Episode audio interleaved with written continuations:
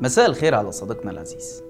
لو سألت أي مواطن مصري سنة 2010 ترشح جمال مبارك لرئاسة الجمهورية كنت هتسمع ساعتها كلام عيب بس لو سألت حد دلوقتي فغالبا هيقول لك ولا يوم من أيامك يا مبارك. مع إن المصريين عملوا ثورة على مبارك وقدموا فيها تضحيات عظيمة. وقفوا بصدور عارية في مواجهة قوات الشرطة اللي هربت من قدامهم يوم 28 يناير. اعتصموا 18 يوم في ميدان التحرير بكل سلمية وتحضر. واجهوا اعتداءات البلطجية في موقعة الجمل وتصدوا لاشاعات الإعلام وإساءاته. استشهد منهم مئات الشباب. ورغم كل ده نجحوا في إنهاء 30 سنة من حكم مبارك. وكانت النتيجة إن هو وأولاده والمسؤولين في عهده اتحطوا في قفص الاتهام ودخلوا السجن. بس مع وصول السيسي للسلطة شموا نفسهم وكلها كام سنة وخرجوا واحد ورا التاني وعملوا مصالحات مع الحكومة. عشان يرجعوا للمشهد العام تاني من جديد ويطلع جمال يقول لك لترقد يا أبي في سلام. النهاردة مع تراجع شعبية السيسي ومعاناة الشعب بسبب إجراءاته الاقتصادية وأزمة الديون اللي دخل البلد فيها الناس بقت تستغل ظهور أي بديل محتمل للسيسي عشان تهتف له وتسقف له وتقول له أنت الريس الجاي. حتى لو كان جمال مبارك اللي نفس الناس صارت عليه وأجهضت مشروع أبوه في توريث الحكم. الظهور الأخير لجمال كان في مقبرة والده ضمن احتفالات الذكرى ال 49 لنصر أكتوبر. وكان المشهد الواضح إنه كان مترتب أقرب لمظاهرة سياسية في حب مبارك وابنه وده لأن عدد من أنصاره اتجمعوا حواليه وكرروا هتافات من نوعية ولا يوم من أيامك يا مبارك. وحد تاني قال لك شوف الدولار كان بكام ودلوقتي بكام؟ وحد تالت زود وقال هو جمال إن شاء الله. ده غير الناس اللي تزاحمت عشان تسلم وتتصور مع ابن الرئيس حتى لو كان الرئيس ده مخلوع بثورة شعبية ومدان بأحكام قضائية نهائية. لغاية هنا وكله تمام. أنصار مبارك أو أبناء مبارك زي ما بيسموا نفسهم مش أول مرة يظهروا. الناس دول من 2011 وأي مناسبة فيها مبارك ولا أولاده بتلاقيهم موجودين. ده غير طبعا إنهم عاملين روابط وصفحات على الفيسبوك. بس الجديد المرة دي إنهم أول مرة يلمحوا لأن جمال مبارك ممكن يبقى منافس محتمل للسيسي على السلطة. ويمكن ده اللي خلى الصحف التابعة للمخابرات تحذف تغطيتها لزيارة جمال مبارك. بما في ذلك طبعا كل الصور والفيديوهات من زيارته لقبر مبارك وقبر السادات. هل السيسي خايف من جمال مبارك؟ أو نقول السؤال بشكل تاني. هل يقدر جمال مبارك إنه يطيح بالسيسي من حكم مصر؟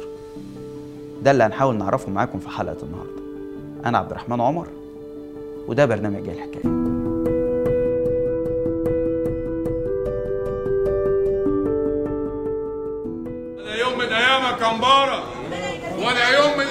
يا مبارك. ولا يوم من أيامك يا مبارك. ولا يوم من أيامك يا مبارك.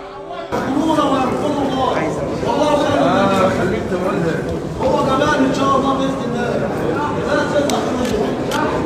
أرحمك يا ريس الف رحمة رحمك يا ريس. يا بتاع الغلابة أهلا بيكم. جمال محمد حسني السيد إبراهيم مبارك. اتولد في القاهرة سنة 1963 درس في مدارس وجامعات أجنبية على أرض مصرية زي مثلا مدرسة ميسيس وودلي الابتدائية ومدرسة سان جورج الإعدادية والثانوية.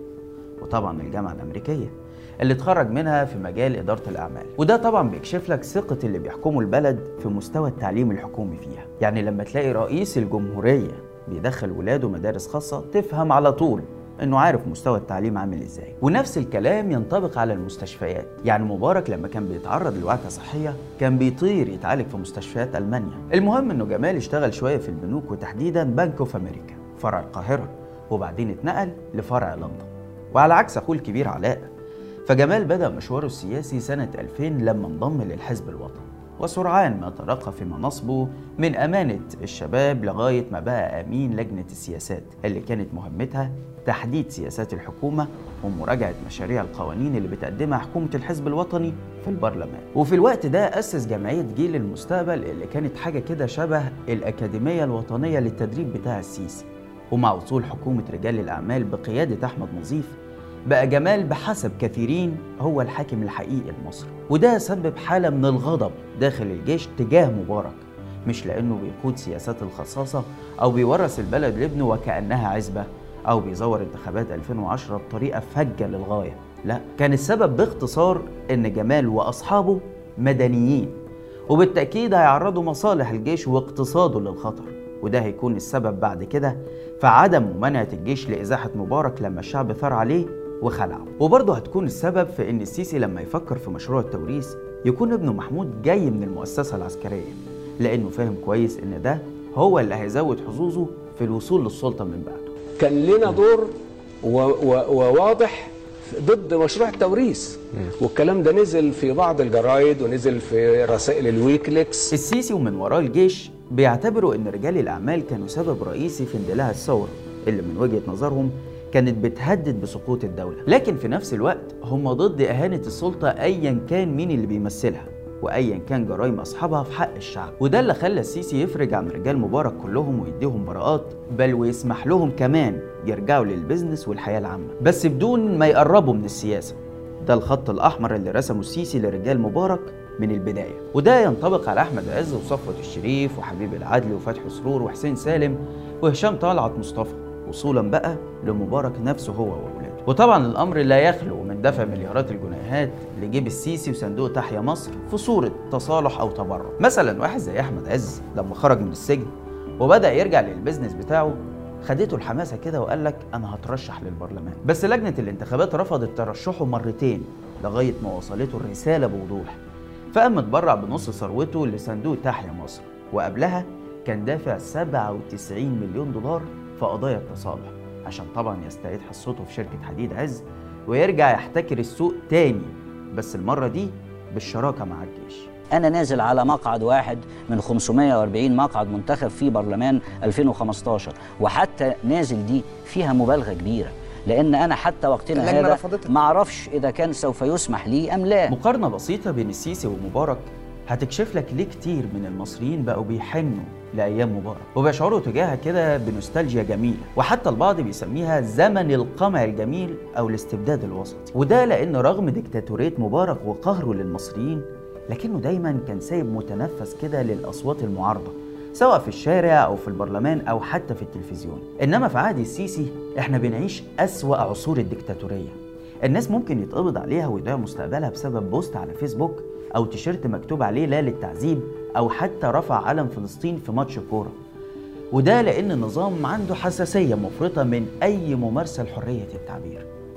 السيسي زي ما بيقول على نفسه مش سياسي بمعنى إنه لا يملك مهارات السياسة بعكس الرؤساء السابقين اللي رغم إنهم كانوا عسكريين برضه بس كان عندهم قدرة على إدارة الصراع السياسي والمجتمعي بالقدر اللي يخلي الوضع مستقر أطول وقت ممكن.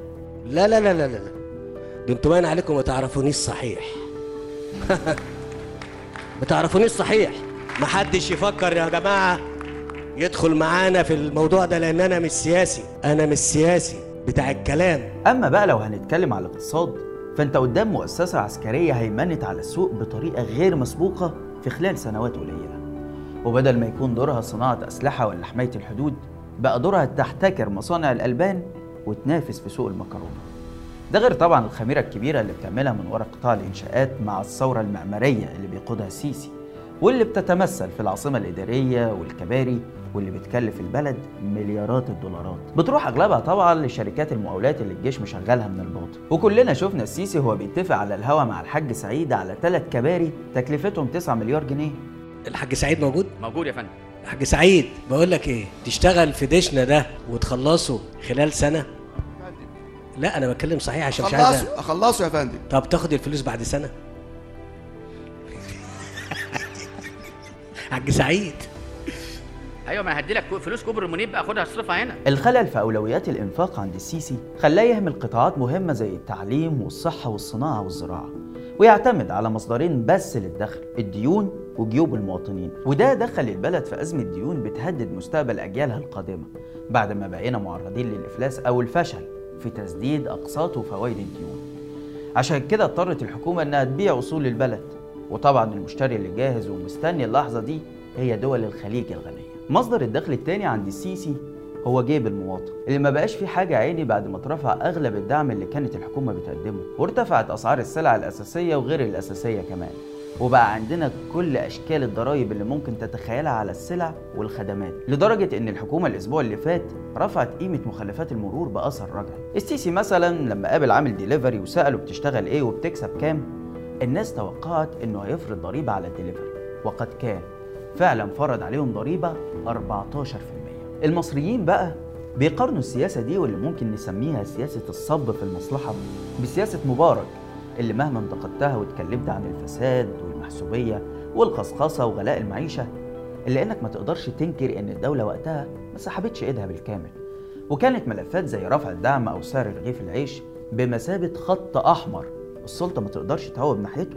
خوفا طبعا من ثورة الشعب زي ما حصل بالظبط في انتفاضة الخبز أيام السادات. كمان الناس بتفتكر لمبارك إنه رفض عروض صندوق النقد الدولي بل ورفض كمان فكرة إنشاء عاصمة إدارية جديدة. وحتى مسألة القروض الراجل نجح في إسقاط أغلبها بعد المشاركة في حرب الكويت. ياما بقى صندوق النقد سنة 90 كان مزرجن وبتاع وعارفين كانوا عاوزين يحطوا علينا أعباء شكلها إيه في الإصلاح يعني أجي كل سنة اخبط الأسعار 90% تصور لو كل حاجة تزيد 90% على ما توصل مواطن تبقى زادت 300% أنا أكيد طبعا مش قصدي إنه مبارك كان كويس. خد بالك من النقطة دي. ولا إن جمال ابنه كمان ومشروع التوريث بتاعه اللي الشعب أسقطه في 2011 أفضل لمستقبل مصر. لكن أنا بحاول أفسر ونفهم مع بعض ليه الناس بقت تتنشأ على أي بديل محتمل للسيسي.